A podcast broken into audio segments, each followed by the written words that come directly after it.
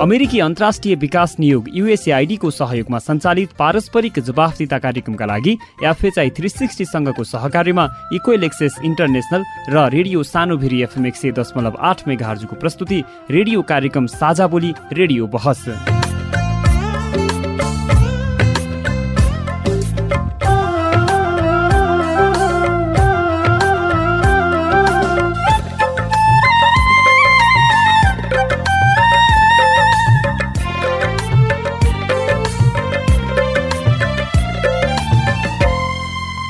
नमस्कार साझा बोली रेडियो बहसमा तपाईँलाई स्वागत छ। म मनिष खड्गा। साझा बोली रेडियो बहसमा हामी नागरिक समाज आम सञ्चार माध्यम र सार्वजनिक निकाय बीचको पारस्परिक जवाफदिता र आपसी दिगो सम्बन्धका विषयमा बहस गर्छौँ।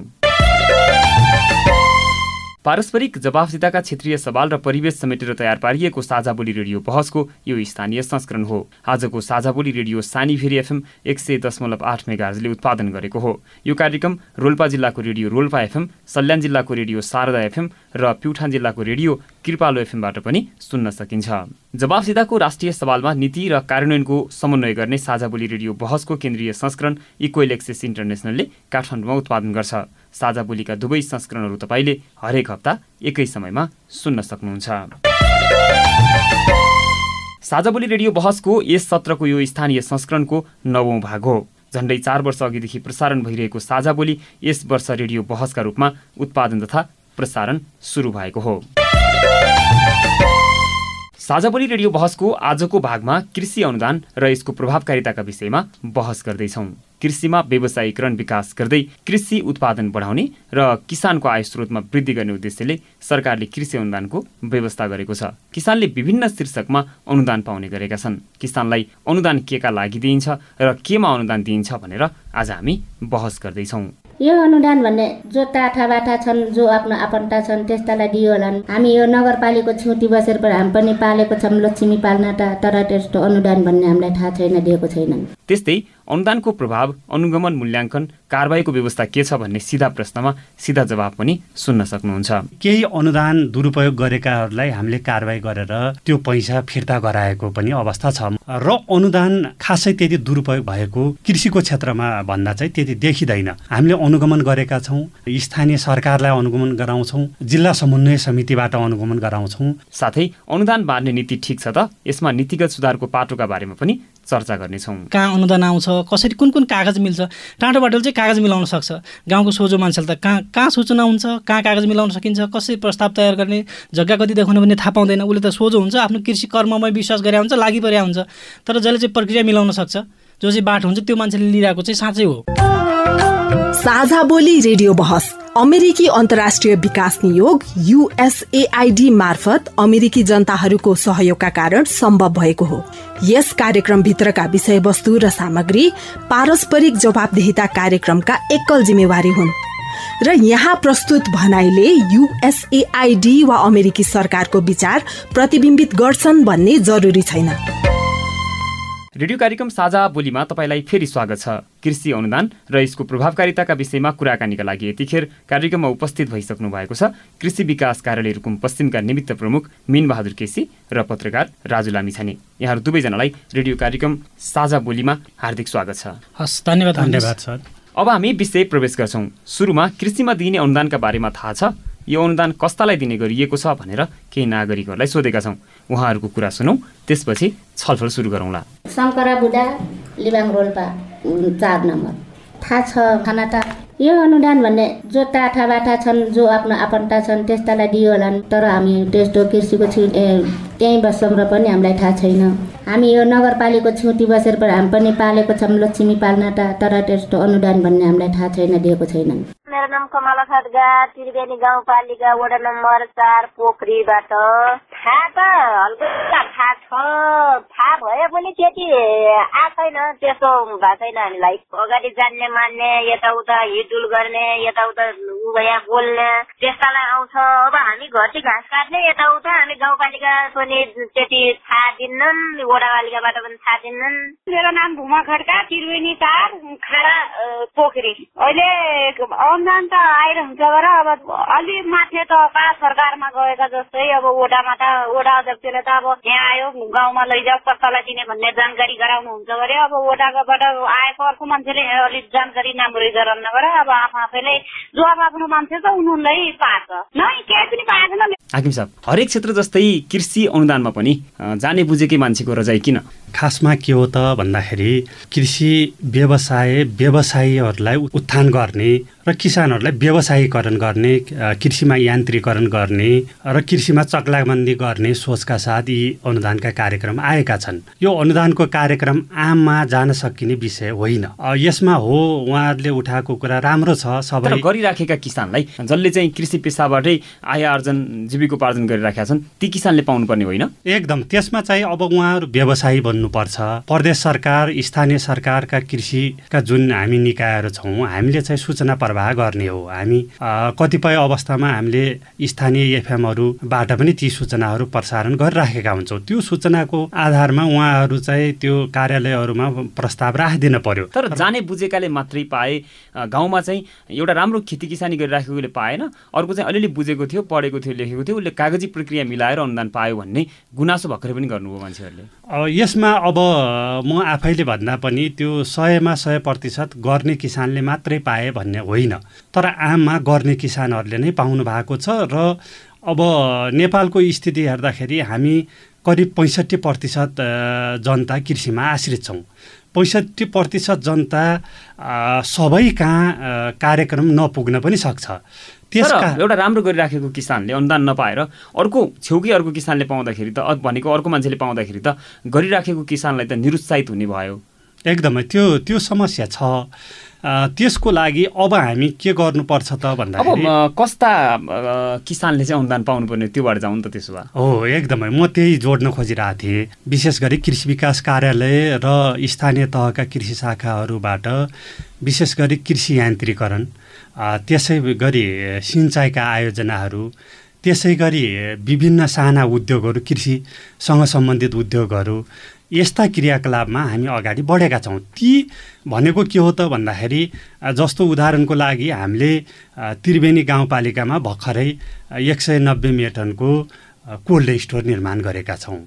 त्यो आममा हेर्दा चाहिँ त्यो पालिकामा बन्यो र केही टाठाबाठाले त्यो बनाए भन्ने नि पर्न सक्छ।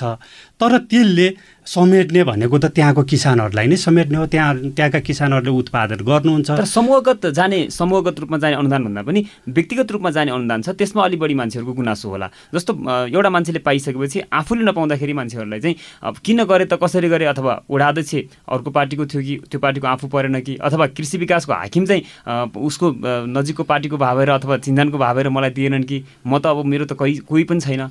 मलाई त दिएनन् भन्ने किसिमको मान्छेहरूलाई परिराखेको छ। हामी चाहिँ सूचना प्रकाशित गर्छौँ र त्यो सूचनाको आधारमा उहाँहरूले प्रस्ताव हाल्नुहुन्छ र केही किसानहरू हामी आफैलाई लागेको पनि वास्तविक गर्ने किसानहरू हामी कहाँ पुग्नु भएको छैन र त्यहाँसम्म पुग्न हामी जरुरी छ। अहिले हामी कृषि विकास कार्यालय मात्रै नभएर पालिकाका कृषि शाखाहरू पनि त्योतर्फ केन्द्रित हुन जरुरी छ।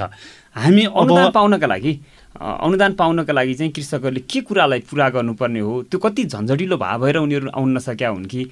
अथवा सामान्य कुरा भएर पनि थाहा नभएर उनीहरू आउन नसकेका हुन्? के छ अनुदान पाउने प्रक्रिया चाहिँ? अब यसमा चाहिँ हामी विशेष गरी प्रदेश सरकार कर्णाली प्रदेश सरकारले हामीले के सोच बनाएका छौँ त भन्दाखेरि हिजोका प्रक्रियागत कामहरू केही झन्झटिला छन्। ती कार्य कामहरूलाई चाहिँ तोड्नुपर्छ। र सामान्यभन्दा सामान्य किसान जो चाहिँ अन्यथा अर्थ नलागेमा निरक्षर हुनुहुन्छ उहाँहरूले पनि त्यो कार्यक्रम पाउने गरी सामान्य एउटा निवेदनको भरमा कार्यक्रम दिनुपर्छ। र अब चाहिँ भूमि व्यवस्था कृषि तथा सहकारी मन्त्रालय कर्णाली प्रदेश चाहिँ अब कसरी अगाडि बढेको छ त भन्दाखेरि प्राविधिकहरू फिल्डमा जानुपर्छ। र त्यहाँ चाहिँ जसले वास्तवमै खेती गर्नुभएको छ। उहाँहरूलाई चाहिँ त्यही फिल्डमै गएर कार्यक्रम दिनुपर्छ र त्यो सोचका साथ अगाडि बढेको छ। अब हामी त्यता जान्छौँ। हस् राजु सर खास किसानले चाहिँ अनुदान पाउन नसक्नुका पछाडि के कारण छ? प्रक्रियाकै कुरा हो खास। सरकारले किसानलाई सङ्गठित गर्न र अलिकति चाहिँ व्यावसायिक बनाउने आधुनिक रूपले यान्त्रिकरणमा लैजानलाई चाहिँ अनुदानको कार्यक्रम ल्याएको देखिन्छ। तर सरले ठ्याक्कै भन्नुभयो जस्तै यो चाहिँ पिदमै बसेका पिदमै बसेका कृषकहरूले नपाएको हो कि भन्ने गुनासाहरू चाहिँ छन्। तर नभएकै केही नभएको भन्ने चाहिँ हुँदै होइन। राम्रा कामहरू पनि भएको छन्। तर जुन किसानले पाउनु पर्थ्यो उहाँहरूले नपाउँदाखेरि गुनासो आउने र अनुदान आइसकेपछि त्यसको प्रभावकारिताबारे पनि अलिकति न रिजल्ट नदेखिँदाखेरि मान्छेले चाहिँ आफ्नोलाई दिए टाटाबाटालाई दिए भन्ने गुनासो चाहिँ स्वाभाविकै हो। किन खास पाउन नसक्नुको पछाडि कारण के अब यो हाम्रो सोचाइ कस्तो भइदियो भने कृषि पेसा भनेको नपढेकोले निरक्षरले अलिकति गरिब भएको त्यो सोसाइटीको मान्छेले गर्ने हो भने हाम्रो एउटा गलत मानसिकता भयो तर होइन? सेवा सुविधा पाउने बेला फेरि पढे लेखेकैले जाने बुझेकैले पाउने। यसमा कस्तो छ भन्दाखेरि अलिकति यो अनुदान दिँदाखेरि किसानहरू सङ्गठित रूपमा आउनेलाई चाहिँ प्राथमिकता दिने जस्तो किसानहरूले प्रपोजल बनाउनु पर्ने उहाँहरूले जग्गा देखाउनु पर्ने के गर्ने भन्ने प्रस्ताव ल्याउनु पर्ने तर त्यो चाहिँ पितमा भएको जनताले चाहिँ थाहा नपाउने। तर यो चिनजानका आधारमा अलिकति सम्बन्ध भएकै आधारमा अथवा चाहिँ जनप्रतिनिधिको नजिकको मान्छे अथवा कर्मचारीको नजिकको मान्छेले पनि अनुदान पाउने त्यस्तो किसिमको जोखिम अथवा त्यस्तो किसिमको अवस्था छ कि छैन? अहिले हेर्दाखेरि चाहिँ त्यो देखिन्छ। किन पनि यो यस्तो भएको होला भन्दाखेरि अलिकति टाढो बाटो चिन्जानको मान्छे त्यो सूचनाको पहुँचमा चाहिँ हुन्छ। उसले चाहिँ कहाँ अनुदान आउँछ कसरी कुन कुन कागज मिल्छ टाढो बाटोले चाहिँ कागज मिलाउन सक्छ। गाउँको सोझो मान्छेले त कहाँ कहाँ सूचना हुन्छ कहाँ कागज मिलाउन सकिन्छ कसरी प्रस्ताव तयार गर्ने जग्गा कति देखाउने भन्ने थाहा पाउँदैन। उसले त सोझो हुन्छ आफ्नो कृषि कर्ममै विश्वास गरे हुन्छ लागि परे हुन्छ। तर जसले चाहिँ प्रक्रिया मिलाउन सक्छ जो चाहिँ बाटो हुन्छ त्यो मान्छेले लिइरहेको चाहिँ साँच्चै हो। हजुर हाकिम साहब। कागजी किसानहरूलाई यहाँहरूले रोक्न सक्नु भएन कागजी किसान चाहिँ कसलाई भन्यो भने जसले कागज मिलाउन जानेका छन्। हो यदा कदा त्यो चाहिँ देखिन्छ। र अहिले हामी चाहिँ हिजो के भयो त भन्दाखेरि मन्त्रालयबाट कार्यक्रमहरू तोकेर आएका कार्यक्रमहरू हुन्थे। र ती कार्यक्रमहरूलाई हामीले कार्यान्वयन गर्ने अवस्था हुन्थ्यो। र त्यो फेरि मन्त्रालयले आफैले त्यो गलत सोचका साथ ल्याएको होइन। र कृषिमा व्यवसायीकरण गरौँ कृषिमा यान्त्रिकरण गरौँ कृषिमा आधुनिकीकरण गरौँ र कृषिमा चक्लाबन्दी गरौँ र कृषिमा अझ विशेष गरी ब्लक पकेटहरूमा जाउँ भन्ने सोचका साथ गरेको हो। र त्यसमा पनि यदा कदा चाहिँ त्यो यहाँले भने जस्तै कागजी प्रक्रिया मिलाउन सक्ने मान्छेहरू त्यो एकदम सयमा सय नै हामी चाहिँ शुद्ध छौँ हामीले राम्रो काम गरेका छौँ भन्ने होइन। केही इरर चाहिँ देखिन्छ त्यो हो र त्यसलाई तोड्न जरुरी छ। यो कृषि व्यवसाय भनेको केही गर्न नसक्ने मान्छे जो चाहिँ पढ्न लेख्न पनि सकेन केही गर्न सकेन भन्ने सोच जुन छ त्यो चाहिँ तोड्न जरुरी छ। यहाँले आफैले पनि पटक पटक स्वीकार गर्नुभएको छ। हामी आम कृषककोमा अझै पुग्न सकेका छैनौँ भनेर। खास बाधक चाहिँ के भनेको छ यहाँहरूलाई? आम किसानहरूसम्म चाहिँ पुग्न नसक्नुका पछाडि। अब यसो छ त्यसमा चाहिँ हामी अलिकति सूचना प्रवाहमै हामी कमजोर हौँ। हामी चाहिँ खासमा सूचना प्रवाह गर्छौँ र त्यो सूचना स्थानीय एफएमहरू त्यसपछि चाहिँ हाम्रा आफ्नै सूचनाहरूबाट हामी जान्छौँ। र कतिपय अवस्थामा किसानहरूलाई जो रियल किसान हो उहाँहरू चाहिँ त्योबाट वञ्चित हुनुहुन्छ जस्तो अहिले त अलिक सजिलो होइन। वडा तहमै टोल टोलमै पनि जनप्रतिनिधिहरू हुनुहुन्छ। उहाँहरूले खास राम्रो मनसाय राखेर राम्रो चाहिँ उहाँहरूले चाहिँ दृष्टिकोण राखेर जानुभयो भने त उहाँहरू मार्फत सूचना पुर्याउनु पनि सजिलो छ। यहाँहरूले चाहिँ जनप्रतिनिधिहरूसँग अथवा स्थानीय तहहरूसँगको समन्वयलाई चाहिँ कसरी अगाडि बढाइराख्नु भएको छ? हामीले रुकुमको हकमा सबै स्थानीय तहसँग सम्भव भएसम्म वडासम्म पनि हामी जाने प्रयास गरेका छौँ। हामीले हामीले प्रकाशन गरेका हरेक सूचनाहरू हामी स्थानीय तहमा पठाउँछौँ मेल गरेर। त्यसमा चाहिँ समन्वयको पाटोमा हामी कहीँ चुकेका छैनौँ। अलिकति समस्या के हो त भन्दाखेरि हामी हो हामी किसान छौँ। मैले अघि पनि भने नेपालको सन्दर्भमा पैँसठी प्रतिशत किसान कि जनता कृषिमा संलग्न छन्। तर किसान कस्तो भइदियो त भन्दाखेरि व्यवसायी बन्न सक्नु भएको छैन। अहिलेसम्म निर्वाहमुखी खेती प्रणालीमै छौँ त्यही त। अनुदान पाउने बेला अरूले पाइदिने गरिराखेको किसानले नपाउने उनीहरू चाहिँ लगातार चाहिँ निरुत्साहित भइराख्ने अनि त्यसपछि ती ती किसान चाहिँ कसरी व्यावसायिक बन्छन् त? एकदम त्यो त्यतातिर त हामीले ध्यान दिनै पर्छ। हामी त्यता लाग्छौँ। वास्तविक किसान कहाँ कसरी जाने भन्नेमा त्यहाँ चाहिँ हामी पुग्न जरुरी छ। अब हामी अहिले चाहिँ कोही किसान पनि व्यवसायी बन्न चाहन्नौँ। हामी आफैलाई मकै पनि रोप्नु छ धान पनि रोप्नु छ त्यसपछि दुई चार बोट तरकारी पनि लाउनु छ दुई चारवटा कुखुरा पनि पाल्नु छ। यसरी चाहिँ कृषिमा केही हुनेवाला छैन परिवर्तन आउन सक्दैन। त्यस कारणले हामीले चाहिँ किसानलाई व्यवसायी गराउन जरुरी छ। त्यो कृषक कहाँ पुग्न र ती उहाँहरूलाई चाहिँ व्यवसायीकरण गर्नतर्फ हामी अगाडि बढ्छौँ। अब। हस्, अनुदान खास किसानकोमा पुगोस् भनेर सरोकारवालाहरू चाहिँ गम्भीर बन्न सकेका छन्। ठ्याक्कै सरकारहरू त्यसरी चाहिँ जिम्मेवार भएर गएको चाहिँ देखिँदैन। कृषि कार्यालयले आफ्नो आफूले समन्वय गर्नुपर्ने पाटोसम्म गरिरहेको देखिन्छ। जस्तो पहिले जस्तै स्थानीय तहमा जनप्रतिनिधिहरू आउँदाखेरि अनुदानको पाटोको बहस जति हुन्छ कृषिको पाटोमा जति बहस भइरहेको छ त्यो सकारात्मक हो। केही न केही कृषिमा छ भन्ने म्यासेजहरू चाहिँ गइरहेको छ। तर यसको सदुपयोगको बारेमा चाहिँ पटक पटक बेला बेला स्थानीय तहमा गएर बहस भएको चाहिँ छैन। के हुनु पर्थ्यो खासमा? स्थानीय तह कृषि विकास कार्यालय स्थानीय तहमा रहेका कृषि इकाइहरूले कृषि अनुदान चाहिँ खास कृषककोमा पुगोस् भनेर के गर्नु पर्थ्यो र के गर्नुपर्छ? सबैको एउटा एउटा खालको बुझाइ र छलफल चाहिँ हुन जरुरी छ किनकि कृषि बिना चाहिँ अरू सम्भव छैन। कृषि चाहिँ पहिलो प्राथमिकता नीति तथा बजेट कार्यक्रममा हेर्दाखेरि पनि कृषि पहिलो प्राथमिकता छ। तर यसको चाहिँ प्रभावकारिता उत्पादनको सेक्टरलाई कसरी राम्रो बनाउने यसको बजार कसरी हेर्ने किसानलाई कसरी चाहिँ बलियो बनाउने उहाँहरूलाई चाहिँ कसरी चाहिँ आर्थिक रूपले चाहिँ सशक्त बनाउने भन्ने विषयमा यो सबै खालका संरचनाहरू सबै खालका टिमहरू बसेर स्थानीय उत्पा स्थानीय स्तरमा कुन उत्पादन र कुन आवश्यकता बढी छ भन्ने विषयमा चाहिँ छलफल गर्न जरुरी नै छ। राम्रो गर्नलाई के गर्न सकिन्छ भन्ने विषयमा स्थानीय स्तरकै जनप्रतिनिधिहरूको सिफारिसमा उहाँहरूको अगुवाईमा उहाँहरूको अनुगमनमा यो खाल यो खालको चाहिँ व्यवस्था जरुरी छ। किसानहरूले अहिले पनि अनुदान आउँछ कि अथवा त्यो अनुदान के का लागि आउँछ कसरी खर्च हुन्छ भन्ने विषयमा पनि अनभिज्ञ जस्तै देखिनुहुन्छ। खास काम गर्ने किसानलाई खास गर्ने किसानलाई चाहिँ त्यो बारेमा थाहा छैन। र उनी किसानहरूलाई पनि माथि ल्याउनको लागि उनीहरूलाई पनि सूचनाको पहुँचमा ल्याउनको लागि चाहिँ गर्नुपर्ने के हो? अब अहिले कस्तो भएको छ भन्दा पहिले जस्तो छैन। अहिले जति सबै जस्तो कृषकहरू कृषकहरू चाहिँ समूहमा आबद्ध हुनुहुन्छ। वडा स्तरमा चाहिँ वडा स्तरका विभिन्न योजना गोष्ठीहरूमा संलग्न हुनुहुन्छ बैठकमा संलग्न हुनुहुन्छ। थाहै नपाएको चाहिँ पटफिटिकै चाहिँ होइन। तर प्रक्रिया नजानेको अनुदानबारे नजानेको चाहिँ पक्कै हो। त्यो विषयमा उहाँहरूले अब कृषि व्यावसायिक रूपले नै कृषि गर्ने हो भने म त त्यो सेक्टरसँग समन्वय गर्नुपर्छ त्यो सेक् त्यो खालको सूचना लिनुपर्छ भन्ने अपनत्व बोध पनि चाहिँ किसानहरूले गर्न जरुरी छ? मैले आवश्यकता मलाई आवश्यकता परेको चिज मेरो सरकारले अथवा चाहिँ मेरो नगरपालिकाले कृषि विकास कार्यालयले गाउँपालिकाले ओडाले दिन सक्छ भन्ने पनि जानकारी नभए हुनसक्छ होइन? कसैलाई घाँसै काट्ने मेसिन चाहियो मानौ उसलाई घाँस काट्न समस्या भइरहेको छ। तर त्यही सामान चाहिँ म अनुदानमा पाउँछु भनेर उसलाई त थाहा हुँदैन।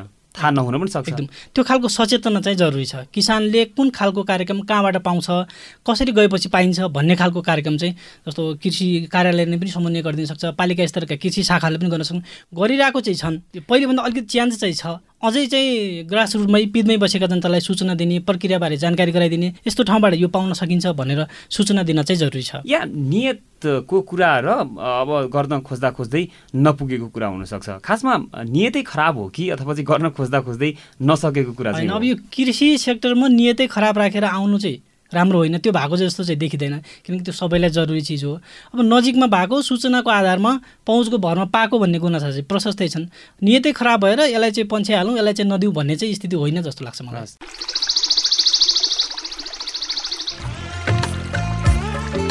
प्रश्न परिवर्तनको सुरुवात हो। जवाफ रूपान्तरणको आधार हो। प्रश्न आविष्कारको जननी हो। जवाफ सुशासनको परिणाम हो। त्यसैले प्रश्न सोधौँ जवाफ खोजौँ। तपाईँले हामीलाई पैसा नलाग्ने नम्बरमा फोन गरेर आफ्ना कुराहरू भन्न सक्नुहुन्छ। एनसेल प्रयोग गर्नुहुन्छ भने अन्ठानब्बे शून्य पन्ध्र एकहत्तर शून्य उन्तिसमा फोन गर्न सक्नुहुन्छ। एनटिसी प्रयोग गर्नुहुन्छ भने सोह्र साठी शून्य एक शून्य शून्य चार पाँच नौमा फोन गर्न सक्नुहुन्छ। अथवा बोली साझा at the rate Gmail dot com B O L I S A J H A at the rate Gmail dot कममा इमेल गरेर वा मेरो रिपोर्ट र साझा बोलीको फेसबुक युट्युब ट्विटर टिकटक पोस्टहरूमा सेयर लाइक वा कमेन्ट गरेर पनि आफ्ना कुराहरू भन्नु सक्नुहुन्छ। पारस्परिक जवाफदेहिताका लागि प्रश्न सोधौं जवाफ खोजौं। साझा बोली रेडियो बहस। तपाईँ अहिले पारस्परिक जवाफदिता प्रवर्धनका लागि साझा बोली रेडियो बहस सुन्दै हुनुहुन्छ। हामी कुरा गरिरहेका छौँ कृषि अनुदान र यसको प्रभावकारिताका विषयमा। र हामीसँग हुनुहुन्छ कृषि विकास कार्यालय रुकुम पश्चिमका निमित्त प्रमुख मिनबहादुर केसी र पत्रकार राजु लामिछाने। यतिन्जेल हामीले कृषि अनुदान के का लागि केमा र कसरी दिइन्छ भन्ने बारेमा छलफल गऱ्यौँ। यतिन्जेलको छलफलबाट सबै अनुदान खास किसानकोमा पुग्न नसकेको देखियो। यसका लागि स्थानीय प्रदेश र सङ्घीय सरकारका साथै विषयगत कार्यालयहरू गम्भीर बन्नुपर्छ भन्ने बारेमा हामी सहमत भएका छौँ। साझा बोली रेडियो बहसमा अझै हामी बाँडिएको अनुदानको उपलब्धि कस्तो छ भन्ने बारेमा घनीभूत छलफल गर्नेछौँ।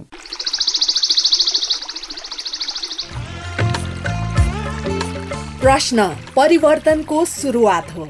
जवाफ रूपान्तरणको आधार हो।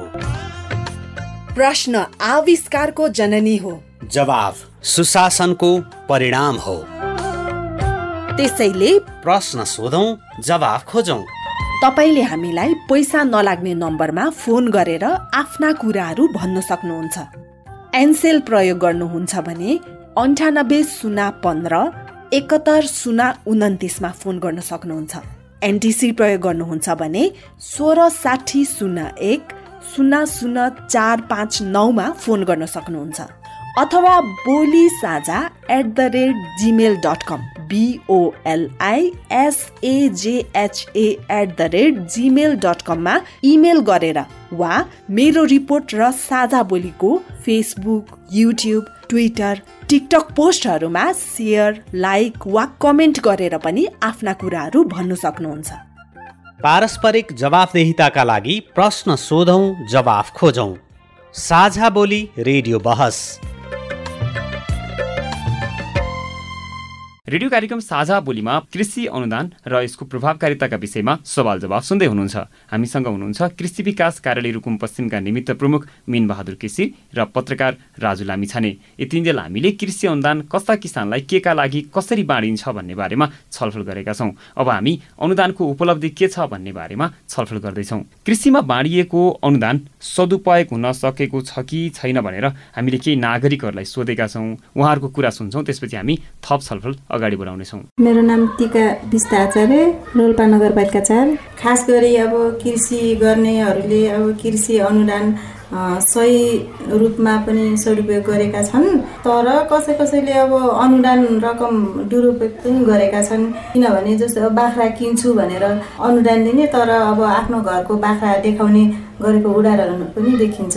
नमस्कार मेरो नाम दिलकुमारी डाँगे घर त्रिवेणी गाउँपालिका साथ गैरी गाउँ। मेरो प्रश्न यस प्रकारको छ जसले कृषि पेसा अँगालेका छन् उनीहरूले अनुदान पाइरहेका छैनन् तर अनुदान पाउनकै लागि कागज फर्म देखाउने गरिन्छ। त्यस्तै व्यक्तिले अनुदान पाइरहेका छन्। अनुदान पाएपछि भने उनीहरूले कृषि नै गरिरहेका छैनन्। गएको अनुदानलाई पनि प्रयोग नगर्ने किसानकोमा पुगेको अनुदान पनि दुरुपयोग हुने कुरा त अझै पनि रोकिन सकेका छैन होइन? होइन यसो छ। अब कृषि व्यवसाय भनेको अलिकति अप्ठ्यारो व्यवसाय हो। यसमा अनुदान दिने बित्तिकै त्यसको रिजल्ट आइहाल्दैन। यसका पनि केही चरणहरू छन्। ती चरणहरू तर खोरै रित्तै पारेपछि सुरुवात गरेको खेतीपाती नै सुकेर गएपछि त त्यसको अनुदान कहिले देखिन्छ? हो त्यो त्यो चाहिँ एकदम महत्त्वपूर्ण कुरा हो। त्यसमा हामीले केही अनुदान दुरुपयोग गरेकाहरूलाई हामीले कारवाही गरेर त्यो पैसा फिर्ता गराएको पनि अवस्था छ। मैले अहिले चाहिँ ती नाम किटान नगरौँ। त्यो अवस्था छ। हामीले त्यो गरेका छौँ। र अनुदान खासै त्यति दुरुपयोग भएको कृषिको क्षेत्रमा भन्दा चाहिँ त्यति देखिँदैन। हामीले अनुगमन गरेका छौँ। हामी चाहिँ स्थानीय सरकारलाई अनुगमन गराउँछौँ। जिल्ला समन्वय समितिबाट अनुगमन गराउँछौँ। त्यो कारणले त्यति धेरै अनुदान दुरुपयोग भएको अवस्था चाहिँ होइन। तर तपाईँ हामी अहिले भर्खरै केही ठाउँमा गयौँ भने पनि हिजो भैँसी पालनको लागि अनुदान आएका थिए अहिले खोर रित्तै छन्। हिजो बाख्रा पालनको लागि अनुदान आएको छ ठुलो रकम अहिले खोर रित्तै छन्। भर्खरै हाम्रो यहाँ एकजना श्रोताले पनि कुरा राख्नुभयो। कि अनुदान पाउन्जेलसम्म गरेको जस्तो गर्ने त्यसपछि छोडिदिने। यी अब प्रश्नहरू त तपाईँतिर तिर्छिएर बसेका छन्। मान्छेले प्रश्न सोधिराखेका छन् तपाईँहरूलाई तर फेरि तपाईँहरू भन्नुहुन्छ अनुदान दुरुपयोग भएको छैन सदुपयोग भइराखेको छ भनेर। कसरी पत्याउने यो होइन यो एकदम यसमा के हो त भन्दाखेरि हो कार्यालय पनि हामी आफू पनि केही हदसम्म हाम्रो पनि कमजोरी होला। तर यदा कदा के देखिन्छ भन्दाखेरि यो कार्यालय पन्छिन खोज्यो र किसानलाई दोष लायो भन्ने अर्थमा नजाओ तर प्रश्न तिर्सिराखेको छ म म त्यही भन्दैछु। यहाँ चाहिँ किसानहरू कस्तो भयो त भन्दाखेरि किसानहरू पनि इमान्दार भनिदिन पर्यो। किसानहरू पनि अनुदान पाउने। अब त्यो त एक खालको हामीलाई उहाँहरूले झुक्क्याएकै हो। हामी पनि चौबिसै घन्टा उहाँको खेतबारीमा उहाँको खोरमा पुग्न सक्दैनौँ। हामी गएको बेला उहाँहरूले कार्यक्रम गर्नुभएको छ। त्यो कार्यक्रम गरेको भरमा हामीले भुक्तानी गर्नै पर्यो। त्यसपछि जब कार्यक्रम सम्पन्न हुन्छ त्यसपछि ती आयोजनाहरू पनि बन्द हो त्यसको दायित्व चाहिँ लिनुपर्ने हो कि होइन सरकारले निकाय जसले चाहिँ करोडौँ रकम चाहिँ लगानी गरेका छन् भनेपछि त्यसको उपलब्धि के छ भनेर सोही आर्थिक वर्षमा मात्रै हेर्ने हो कि अर्को आर्थिक वर्षमा गएर पनि हेर्ने हो? एकदम त्यो त्यो त्यो चाहिँ यहाँ त के देखियो भने मानौ यो यो आर्थिक वर्षमा एउटा कार्यक्रम भयो तपाईँले यो असारसम्म चाहिँ हेर्नुहुन्छ अर्को साउन लागोस् त्यसपछि तपाईँहरूले माया मार्नुहुन्छ किसानले चाहिँ त्यसलाई बेचेर खाने हो कि अथवा त्यसलाई चाहिँ लथालिङ्ग पारेर छोड्ने हो? त्यो अवस्था देखिरहेको छ। त्यो यो त्यसकारण यी कुरामा चाहिँ एकदम हामी स्ट्रिक्टली जान जरुरी छ। यो एउटा नीति बनाउन जरुरी छ। बोध हुन नसक्या हो सरकारलाई? होइन सरकारले दायित्व बोधै गरेन भने भन्ने होइन। अलिकति नीतिमा हामी कमजोरी भयौँ। होइन हामी अब एक खालको नीति बनाउनु पर्छ। उसले चाहिँ अनुदान पाएपछि सर्टेन यति वर्ष व्यवसाय गरेन भने उसलाई चाहिँ असुल पर गर्ने उसलाई चाहिँ कारवाहीको दायरामा ल्याउने त्यतातर्फ हामी जानुपर्छ। यो यदा कदा चाहिँ देखिन्छ। यहाँले उठाएको प्रश्न मैले पनि अघि भने किसानहरू चाहिँ अन्यथा अर्थ नलागेमा किसानहरू पनि चाहिँ इमान्दार बनिदिनुपर्छ। हजुर यो सरोकारवाला निकाय अथवा चाहिँ जसले कार्यान्वयन गर्ने हो त्यो निकायले चाहिँ कागजी रूपमा प्रगति देखाइराख्ने त्यो बजेट खर्च पनि भइजाने। तर फेरि तल गएर हेर्दाखेरि उपलब्धि चाहिँ शून्य देखिने। यो माथिबाट उहाँहरूलाई सोद्धाखेरि हामीले त गरेका छौँ अनुगमन पनि गरेका छौँ मूल्याङ्कन पनि गरेका छौँ हाम्रो बजेट पनि खर्च भएको छ वित्तीय भौतिक के हुनुहुन्छ प्रगति देखिन्छ भनेर देखिने। तर किसानले पनि पाएको छ तर अर्को त्यहाँ हेर्दा गएर हेर्दाखेरि चाहिँ उपलब्धि शून्य देखिन्छ। यो किन भइरहेको छ यस्तो? एकदम यो अहिलेको जेनुन विषय नै यही हो जस्तो लाग्छ मलाई होइन? खास यो हाम्रो कस्तो भयो अनुदान पाउन्जेलसम्म मात्रै हामी किसान पल्ट्यौँ हामी। अनुदान जब चाहिँ सरकारले दिने अथवा कुनै प्रोजेक्टले दिने टुरिस्ट किसान भयो। सरकारले दिने अनि स्थानीय तहले दिने अथवा कुनै प्रोजेक्टले दिने अनुदान दिउन्जेलसम्म गऱ्यो गऱ्यो गऱ्यो भन्ने देखाउनलाई चाहिँ गऱ्यो। जब त्यो सकियो त्यसपछि चाहिँ त्यसको दीर्घकालीन असर चाहिँ देखिएन। यसमा कमजोरी कसको? अब यो चाहिँ सबै पक्षले चाहिँ यो विषयमा चाहिँ सोच्न चाहिँ पर्छ। अब यो सबै पक्ष चाहिँ कमजोरी सबै ठाउँमा छ। किसान पनि इमान्दार बनिदिनुपर्छ ठिक छ। सरकारले दिन्छ भने त प्रक्रिया पुर्याएर मान्छेले खाने नै भयो लिने नै भयो। त्यहाँ चाहिँ त्यो लिने मान्छेको मात्रै दोष छ कि? अथवा दिने मान्छेले पनि चाहिँ प्रक्रिया नपुर्याएर अथवा पुगेपछि पनि पछि उसले लिएपछि उसको फलोअप गर्ने कुरामा चाहिँ नगरेर भएको हो यस्तो। सरकारी संरचनाले सरकारी तौरले हेर्दाखेरि उहाँहरूलाई चाहिँ अनुदान दिलाउनलाई उहाँहरूले चाहिँ लिउन्जेलसम्म किसानले गरिरहेको देखिने अनि त्यो त्यत्तिकै प्रक्रिया नपुगाएर कामै नभएको भुक्तानी दिने भन्ने पनि हुँदैन। त्यो त कार्यालयको अप्ठ्याराहरू पनि हुन्छन् उहाँहरूका प्रक्रियाका कुरा कागजका कुरा अनुमन अनुमका कुरा नभएका चाहिँ होइनन् भएका छन्। उहाँहरूले देखाउनु उहाँहरूलाई देखाउनलाई चाहिँ राम्रो देखाइदिने अनि त्यसपछि जब देखाइसकेपछि जब अनुदान पाउनुहुन्छ त्यसपछि चाहिँ अब पाइ नहाल्यौँ भन्ने खालले जाने स्थिति चाहिँ बढी भयो होइन? अनुदान दिएको कार्यक्रमहरू चाहिँ पुरै एकदम प्रतिफलमुखी भएका चाहिँ छैनन्। तर नभएका पनि केही होइनन्। जस्तो त्यही अनुदानका कार्यक्रमबाट आफ्नो परिवार चलाएका छोराछोरीको उच्च शिक्षा दिएका उदाहरणहरू पनि प्रशस्तै छन्। त्यो विभिन्न बेला बखत चाहिँ सञ्चार माध्यममा आउँछ। अब यो दिगोपना नभएको चाहिँ साँच्चै हो। अब यो उपलब्धि किन पनि भएन भन्नुहुन्छ भने सरकारी संयन्त्र मार्फत जाने जुन यो कृषि चाहिँ अत्यन्तै प्राविधिक विषय पनि हो होइन? अब किसानले चाहिँ सबै खालको प्राविधिक ज्ञानहरू पाएको हुन्न। अनि सरकारी संरचनाबाट प्राविधिक रूपले जनशक्ति चाहिँ त्यो खालमा पुर्याउन सक्ने स्थिति पनि छैन जनशक्ति कम छ। किसानलाई प्रश्न पार्नलाई अथवा उनको डे टु डे अपडेट गर्नलाई चाहिँ प्राविधिक ज्ञानहरू दिन सक्ने। अनि अब त्यसैलाई नै निरन्तरता दिनलाई अब सरकारको त आफ्नो निश्चित अवधिको कार्यक्रम हुन्छ। अवधि सकिएपछि अब त्यसलाई चाहिँ निरन्तरता कसरी दिने भन्नलाई चाहिँ अर्को वर्ष पनि थप कार्यक्रम गर्न जरुरी छ तर यो त एउटा एनजिओ होइन। एउटा सरकार त यहाँ स्थायी सरकार नै हो रहिरहेको छ। होइन जनप्रतिनिधि चेन्ज होलान् भोलिको कसैको सहयोगमा चलेका चाहिँ एनजिओहरू चाहिँ जालान्। तर त कृषि विकास कार्यालय रहिरहेको छ स्थानीय तहमा भएका कृषि इकाइहरू रहिरहेको छन्। उनीहरूले आफूले दिएको अनुदान कसरी प्रयोग भइरहेछ त्यसको चाहिँ दिगोपना देखिएको छ कि छैन भनेर हेर्नलाई त कसले रोक्छ होला र? त्यो त कसैले सक्दैन। अब अब गर्न के जरुरी के छ भने हालसम्म अनुदान पाउने समूह किसान को हो नि त? लिस्निङ गरौँ। होइन? अनि अब प्राथमिकतालाई कसरी दिने? उहाँहरूले गरे अहिलेसम्म के छ? गरिरहनु भएको छ कि छैन? त्यो चाहिँ स्थानीय तहले गर्न सक्छन्। अनि विगतमा लिएकोलाई डुप्लिकेसन हुन नदिने कि? अनि त्यसो भयो भने मैले एकचोटि लिइसकेर पाउँदैन है। मैले राम्रो गरेँ भने पाउँछु भन्ने छाप पार्न सकिन्छ। टोल टोलमा हाम्रा जनप्रतिनिधिहरूलाई कसले को किसान हो वास्तविक किसान हो कसले गर्न सक्छ भन्ने ठ्याक्कै थाहा छ कि उहाँहरूलाई? उहाँहरूले नै त्यो खालको सिफारिस जस्तो कृषि कार्यालयमा गरिदिने। उहाँहरू त प्रत्येक दिनै पुग्न सक्ने स्थिति छैन।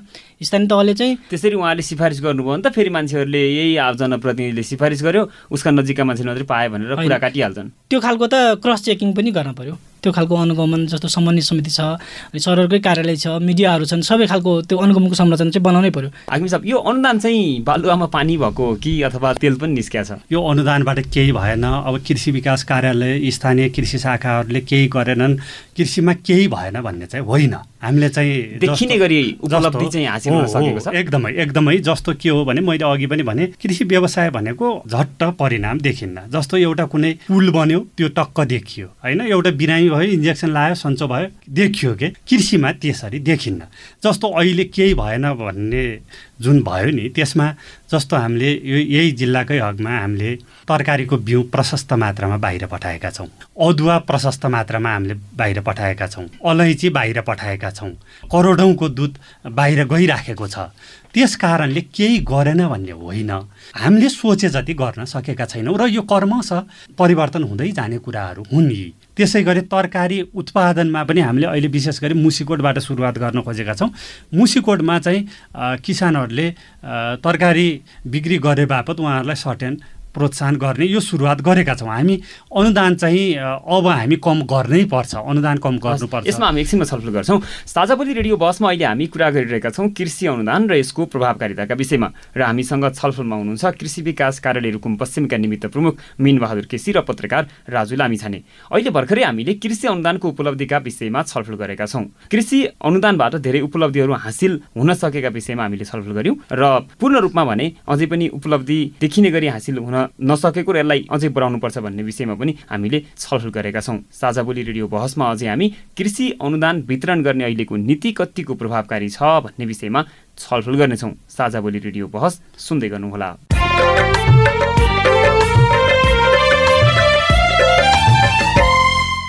कार्यक्रममा अब हामी कृषि अनुदान वितरण गर्ने अहिलेको नीति ठिक छ त? कतै यसमा सुधारको पाटो पो छ कि भन्ने विषयमा छलफल गर्छौँ। म राजु सरकोमा जान चाहन्छु। अहिले जसरी अनुदान वितरण भइरहेको छ यो प्रक्रिया चाहिँ ठिक छ? सबै प्रक्रिया चाहिँ बेठिक चाहिँ हुँदैन होइन? छैन। तर कति चाहिँ यो सजिलो छ? यो चाहिँ कस्तो छ भने माथिबाट तोकेर आउने कार्यक्रमहरू छन् नि। र माथिबाट चाहिँ त्यसको क्राइटेरिया तोकिदिने। यो चाहिँ चेन्ज गर्नैपर्छ किनकि जति रुकुममा बसेर मिन्सरले कृषिको सम्भावना कृषिका चुनौती कृषिका समस्याहरू देख्नु भएको छ त्यो माथिबाट चाहिँ देखिन्न। अथवा यहाँका किसानले यस यहाँकै किसानको हो।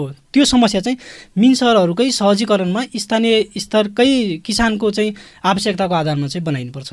होइन? त्यसको चाहिँ कुन ठाउँमा के फस्टाउँछ कुन लेभलको मान्छेले चाहिँ कुन व्यवसाय गर्न सक्छ कृषकहरूको पनि वर्गीकरण गर्न जरुरी छ। कुन किसानले चाहिँ के गर्न सक्छ भन्ने खालको स्थिति बनाउनलाई यहीँ हाम्रै स्थानीय स्तरकै जस्तो कृषि कार्यालय हुनसक्छ स्थानीय तह यो उहाँहरूले चाहिँ आफू अनुकूलको चाहिँ नीति योजना कार्यक्रम चाहिँ बनाउनु पाउनुपर्छ एउटा कुरा होइन। हामीले अहिलेसम्म चाहिँ उत्पादनमा अनुदान दिएका छौँ। अर्को एउटा अर्को एउटा फ्याक्ट्री के हो भने हामीले बजारीकरणमा प्रोत्साहन भएको छैन। कृषकको उत्पादनलाई बजारमा लैजान सकिएन भने खास नदेखेको चाहिँ त्यो उत्पादनको पाटो सँगसँगै यो पाटोलाई पनि बजारीकरण चाहिँ अत्यन्तै महत्त्वपूर्ण किनकि जब बजारीकरण हुँदैन तब किसानले चाहिँ आफू आर्थिक रूपले सशक्त हुने उपाय चाहिँ देख्दैन। त्यसैले यो बजारीकरणलाई सरकारी कार्यालय र स्थानीय तहले कसरी चाहिँ मजबुत गराउन सक्छन् भन्ने विषयमा पनि किनकि बजार चाहिँ स्थानीय स्तरमा पनि छ जिल्ला स्तरमा पनि छ जिल्लामा नभएको बजारलाई चाहिँ बाहिर पनि पठाउनुपर्छ अनुदान पाउने कुरामा है अनुदान लिँदाखेरि पुरा गर्नुपर्ने कागजी प्रक्रियाको कुरा छ। त्यो चाहिँ कतिको झन्झटिलो छ अथवा त्यसलाई सहज बनाउन पर्ने आवश्यकता छ कि छैन? यही झन्झटको कारणले गर्दाखेरि तल्लो लेभलमा भएका किसानहरू खास अनुदानको प्रोसेसमा नगएका हुन् जस्तो लाग्छ। जस्तो कुनै किसानले चाहिँ काम गरिरहेको छ भन्दाखेरि त्यसले लेख्न र प्रपोज प्रस्ताव तयार गर्न नसक्न सक्छ। त्यो खालको चाहिँ उसको अघि सरले भन्नु हामी निवेदनकै आधारले पनि म यो गर्न चाहन्छु भन्ने उसको इच्छा शक्ति र उसको चाहिँ लगावको कारणले पनि उसले चाहिँ सरकारी अनुदान पाउनुपर्छ भन्ने नै हो। मेरो मेरो त्यो त्यो खालको चाहिँ बनाउनुपर्छ किनकि कुन किसानले कतिमा के खेती गरिरहेको छ र त्यसको उत्पादन कस्तो छ भन्ने कुरा वास्तविकता छर्लङ्गै छ। त्यस्तो किसानलाई चाहिँ समेटेर त्यसलाई अब अब अलि अलि आधुनिक स्तरले अब आधुनिक यन्त्रीकरण गरेर अलिक थप गरौँ है। भने जस्तो उहाँले चाहिँ लिजमै जग्गा लिएर अरू गर्न सक्नुहुन्छ कि? सरले भन्नुभयो जस्तै चक्लाबन्दीको एकदम यो सम्भावना बोकेको अर्को यो उपाय हो यसमा गर्नुहुन्छ कि? त्यो खालले चाहिँ सम्भावना देखाउँछ बढीभन्दा बढी कृषकहरूलाई अनुदानको दायराभित्र ल्याउनुको लागि चाहिँ यो सूचना प्रवाहदेखि अरू कुरामा चाहिँ के गर्नुपर्छ? अब यो प्रक्रियाको बारेमा अत्यन्तै महत्त्वपूर्ण सूचना प्रवाह चाहिँ हो। जस्तो अहिले अब के गर्न सकिन्छ भन्दा छोटकरी भन्नुभयो भने प्रत्येक किसानको घरमा हातमा मोबाइल छ। प्रत्येक किसानहरू समूहमा पनि आबद्ध हुनुहुन्छ। किसानको मोबाइलमा र किसानको समूहमा कसरी सूचना जान सक्छ? यो यो खालको यो धेरै खालको महँगो ठुलो स्ट्राटेजी प्रयोग गर्नुपर्ने विषय चाहिँ होइन। अर्को कुरा यो रेडियो रेडियो भनेको अहिलेको सशक्त माध्यम हो। रेडियोले पनि धेरै खालका सूचना दिन्छ। जस्तो सरले अघि भन्नुभएको थियो हामी स्थानीय तहलाई मेल गरिदिन्छौँ। स्थानीय तहले चाहिँ सूचना प्रवाह गर्नुहुन्छ भने कतिपय ठाउँमा के ल्याकिङ देखिन्छ भन्दा स्थानीय तहले चाहिँ आफ्नो कार्यालयको सूचना पार्टीमा टाँसिदिन्छ। त्यो चाहिँ किसानले चाहिँ देख्न पाउँदैनन् पढ्न सक्दैनन्। त्यसैले अब हामीले जिल्ला लेभलबाटै गर्ने हो भने पनि मेरो रिक्वेस्ट हो किसानको मोबाइलमा म्यासेज दिन सकिन्छ कि? यस्तो यस्तो चाहिँ हुँदैछ तपाईँहरू इन्ट्रेस्ट हो भने आउनुहोस्। समूहमा जानेलाई समूहका कुनै कुनै न कुनै पदाधिकारीहरू खर्च लाग्ने विषय खर्च लाग्ने पनि विषय होइन त्यो गर्न सकिन्छ। अर्को कुरा हामी कृषि कृषि क्षेत्रमा काम गरेका लामो समयदेखि काम गरेका सरहरूले कुन पालिकाको कुन वडामा कुन स्तरमा के खेती फस्टाउँछ त्यसले के गर्न सक्छ भन्ने कुरा क्लियर थाहा छ। त्यही मान्छे टपक्क टिपेर तपाईँलाई यो गर्न सक्नुहुन्छ कि? हामीले सम्भावना देखायो भनेर सरले भन्नुभएको ठ्याक्कै प्रोत्साहनको कारणले जोड्नुभयो भने यो खालको चाहिँ ल्याउन सकिन्छ कि भन्ने चाहिँ लाग्छ। म हाकिम साहबको आउँछु। त्योभन्दा अगाडि हामीले केही मान्छेहरूलाई कृषि अनुदान वितरणको प्रक्रियालाई तपाईँले कसरी हेर्नु भएको छ यसलाई चाहिँ चेन्ज गर्न आवश्यक छ कि अथवा के छ? के गर्नु पर्ला यसलाई सजिलो बनाउनु भनेर सोधेका छौँ। उहाँहरूको कुरा सुन्छौँ। त्यसपछि म तपाईँलाई प्रश्न राख्छु। नमस्कार म तीर्थ आचार्य रोल्पा नगरपालिका चार लिबाङदेखि हो। कृषिमा दिने अनुदानलाई प्रभावकारी बनाउनको लागि मेरो विचारमा यो वास्तविक कृषि गरिराखेको को हो? कस्ता व्यक्तिलाई दिँदाखेरि यसको जीवन स्तरमा पनि सुधार हुन्छ भन्ने कुराहरू जुन वितरण गर्ने प्रक्रिया छ त्यो प्रक्रिया नै अझ राम्रो हुनुपर्छ जस्तो लाग्छ। यो अनुगमन मूल्याङ्कन जुन गर्ने क्रियाकलापहरू छ त्यो पनि अलिकति प्रभावकारी रूपमा भयो भने मात्र यसलाई अलिकति दिगोपनाका साथ बढाउन सकिन्छ जस्तो लाग्छ। लगेर राम्रोसँग गर्नेहरूलाई अझ पुरस्कृतको पनि व्यवस्था गर्नुपर्छ। र यो काम अनुदान पाउने तर काम नगर्ने नाम मात्रैको काम गर्नेहरूलाई चाहिँ कारवाही गरेर उनीहरूलाई दण्डको दण्ड जरिमानाको पनि व्यवस्था भयो भने प्रभावकारी हुने जस्तो मलाई लाग्छ। मेरो नाम सङ्गम नगर सौगात घर चाहिँ सानीबेरी गाउँपालिका नम्बर तिन अनुदानले अहिलेसम्म प्रतिफल दिन सकेको छैन। प्रतिफल दिने खालका कार्यक्रमहरू निर्माण गर्दा हुन्छ जस्तै भैँसी पालनका लागि बनाएका गोठहरू छन् र भैँसी पालन गर्दै गरेका व्यक्तिहरूलाई के समस्या छ र तिमीलाई के आवश्यकता पर्ने त्यो सम्बन्धी छानबिन गरेर त्यस्तो प्रकारको चाहिँ व्यक्तिलाई अनुदान दिन आवश्यकता हुन्छ। अनुगमन सँगसँगै यो अहिलेको वितरण प्रक्रियालाई चाहिँ सजिलो बनाउन सकिने ठाउँ चाहिँ के छ? नेपाल सरकारले किसान सूचीकरणको अभियानलाई अगाडि बढाएको छ र यो चाहिँ सबै पालिकाहरूले यो कार्यक्रम अगाडि बढाइराख्नु भएको छ।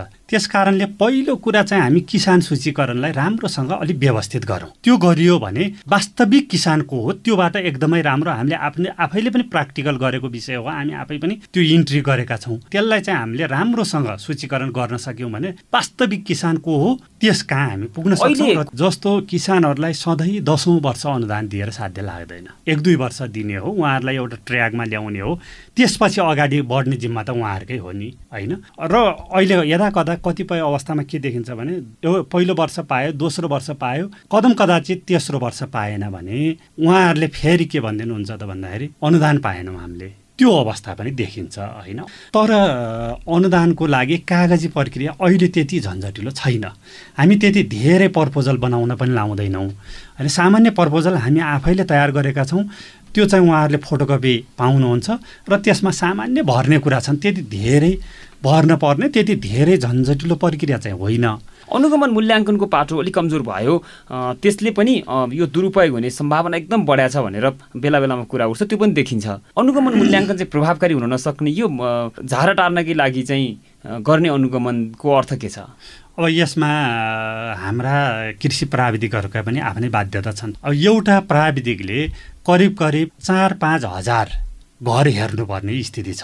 होइन? त्यो त्यो अवस्थामा प्राविधिकले कसरी चाहिँ प्रत्येकको घरमा गएर अनुगमन गर्न सक्छ? त्यो एउटा प्रश्न हो। त्यस कारणले अहिले चाहिँ यदा कदा के देखिन्छ त भन्दाखेरि कृषि प्राथमिकतामा त पर्ने तर त्यो चाहिँ अलिकति यदा कदा अब जनशक्ति अन्य व्यवस्थापनका कुराहरूलाई चाहिँ कस्तो देखिन्छ भने बजेट दिएपछि सबै सकियो भन्ने टाइपको छ। उसले कसरी खर्च गरेछ त्यसको उपलब्धि छ छैन। केमा प्रयोग भइरहेछ भन्ने कुरातिर ध्यान नदिने कमजोरी भएकै ठाउँमा पनि कारवाही भएको देख्न नसकिने। हो त्यो त्यो समस्या छ। त्यसले गर्दाखेरि यसमा चाहिँ व्यथिति मौलाएको देखिन्छ। हो त्यसकारण मैले जोड्न खोजेको के हो त भन्दाखेरि हामीसँग जनशक्तिकै समस्या हो। होइन जनशक्ति कृषिमा जनशक्ति जति सक सकिन्छ बढाउँ तर अहिले भएकै जनशक्तिले गरेकै अनुगमन पनि मूल्याङ्कन पनि कति प्रभावकारी छ भन्ने कुरा पनि एउटा प्रश्न छ। स्थानीय सरकार आफैमा स्वायत्त सरकार भयो। होइन? कृषि विकास कार्यालय जिल्ला मात्रै नभएर जिल्लामा पनि केही जनशक्ति त थपौँ। जिल्ला पन्छिन खोजेको होइन। र स्थानीय तहमा सकभर चाहिँ एकवटा एक प्राविधिकसम्ममा जाउँ क्या हामी। कमसेकम एउटा प्राविधिकले एउटा वडा त कभर गर्न सकिन्छ नि त। त्यो स्थिति भयो भने अलि चाहिँ अनुगमन प्रभावकारी हुन्छ र कसले राम्रो काम गर्यो कसले राम्रो काम गरेन भन्ने चाहिँ त्यसबाट देख्न सकिन्छ। साझाबोली रेडियो बहसमा अहिले हामी कुरा गरिरहेका छौँ। कृषि अनुदान र यसको प्रभावकारिताका विषयमा र हामीसँग हुनुहुन्छ कृषि विकास कार्यालय रुकुम पश्चिमका निमित्त प्रमुख मिन बहादुर केसी र पत्रकार राजु लामिछाने अब हामी कार्यक्रमको अन्ततिर छौँ। अन्तमा हाकिम साहब कृषि अनुदानलाई प्रभावकारी बनाउन यहाँको भूमिका के रहन्छ? नीतिगत परिवर्तनको आवश्यकता रहेको ठाउँमा चाहिँ तपाईँहरूले कस्तो भूमिका खेल्नुहुन्छ? अनुगमनको प्रक्रियालाई हामी अगाडि बढाउँछौँ। हामी आफै पनि अप्ठ्यारो अवस्थामै हुन्छौँ क्या हामी वास्तवमा कस्तो हो त भन्दाखेरि हामी कृषि प्राविधिक भनेको किसानले व्यवसाय गरेर दुई पैसा गोजीमा हाल्यो भने हामी असाध्य खुसी हुने जात हो हाम्रो खासमा भन्दा हामी कृषि प्राविधिक त्यस कारणले यो अनुदानलाई चाहिँ पूर्ण रूपमा सदुपयोग त गराउनै पर्छ। कहीँ कतै चाहिँ दुरुपयोग हुन त दिन हुँदै हुँदैन। त्यस कारणले हामी चाहिँ यसलाई चाहिँ अनुगमनको पाटोलाई असाध्य अगाडि बढाउँछौँ। कसैले पनि फिल्डमा त्यस्ता क्रियाकलाप देख्नुहुन्छ भने हामीलाई प्लिज फिड फिडब्याक दिनुहोस्। हामी त्यसमा अगाडि बढ्न तयार छौँ। र अर्को सँगसँगै विशेष गरी नीतिगत रूपमा जाँदाखेरि हामी सफ्ट लोनमै जाने हो। अब अनुदान यो अनुदान सधैँ चाहिँ उसले मैले पाइनँ उसले मैले पाइनँ भन्नुभन्दा गर्ने किसान चाहिँ सफ्ट लोन अब दुई पर्सेन्ट भन्ने त ठुलो कुरो होइन नि ब्याज। गर्ने किसानलाई। त्यसकारण सफ्ट लोनमै जाने हो र प्रोत्साहनमै जाने हो। उत्पादनको आधारमा उसलाई प्रोत्साहन गरेर नै अगाडि बढ्नुपर्छ। यसरी अगाडि बढ्दा राम्रो हुन्छ। हस् राजु सर अहिले हामीले धेरै छलफल गरेका छौँ। अब एक दुई तिन भन्नुपर्दाखेरि अनुदानलाई प्रभावकारी बनाउन के गर्नुपर्छ? म कृषक हुँ म कृषि पेसा गर्छु भनेर गर्व गर्ने वातावरण चाहिँ सरकारी लेभलबाट चाहिँ बनाइदिनुपर्छ। जस्तो कृषि पढेका कृषि बुझेका मान्छेहरू एकदम लागेरै कृषि गरेको चाहिँ देखिँदैन। कुरा चाहिँ गर्ने कृषि चाहिँ नगर्ने।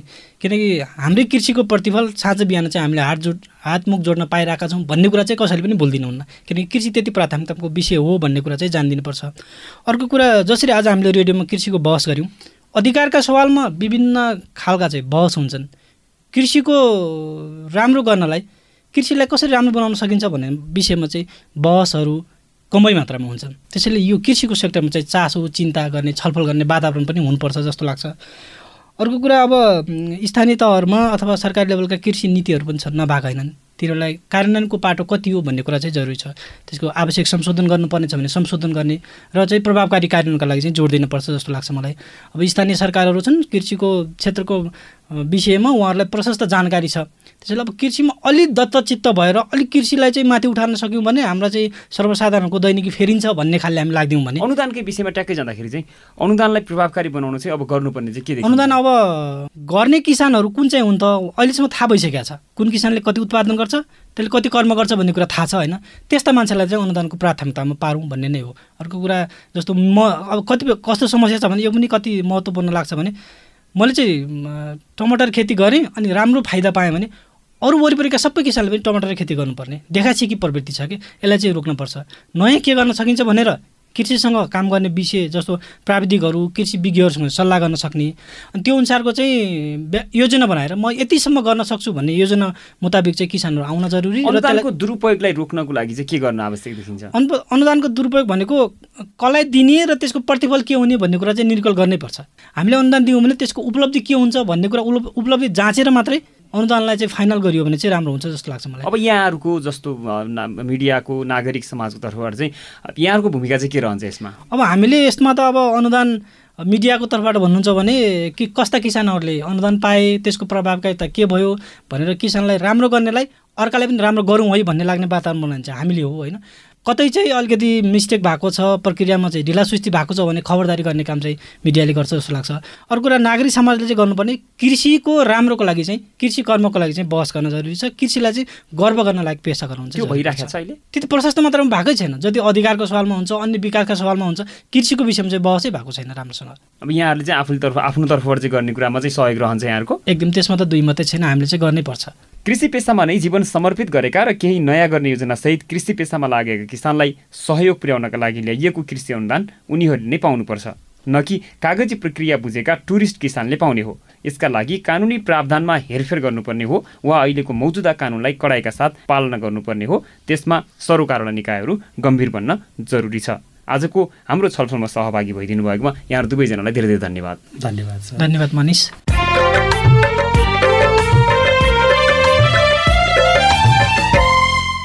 साझाबोली रेडियो बहसको अन्त्यमा आइपुगेका छौँ। साझा बोली रेडियो बहसबारे मनका कुरा भन्नको लागि एनटिसीको मोबाइल वा ल्यान्डलाइन फोन प्रयोग गर्नुहुन्छ भने सोह्र साठी शून्य एक शून्य शून्य चार पाँच नौ नम्बरमा फोन गर्न सक्नुहुन्छ। एनसेल प्रयोग गर्नुहुन्छ। अन्ठानब्बे शून्य पन्ध्र एकहत्तर शून्य उनातिसमा फोन गर्नुहोला।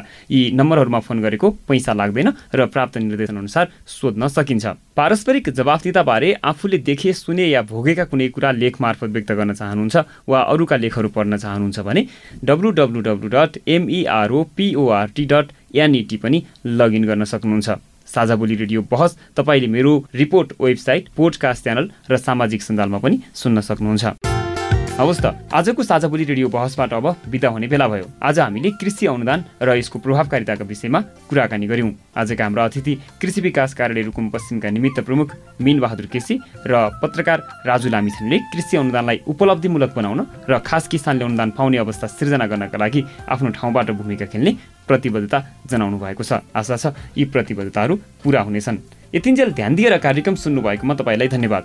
आगामी हप्ता पनि आजको जस्तै समयमा सार्वजनिक जवाफदिताको विषयमा अर्को छलफल लिएर आउनेछौँ सुन्न नबिर्सनुहोला। आजको कार्यक्रमबाट म मनिष बिदा भएँ। नमस्कार।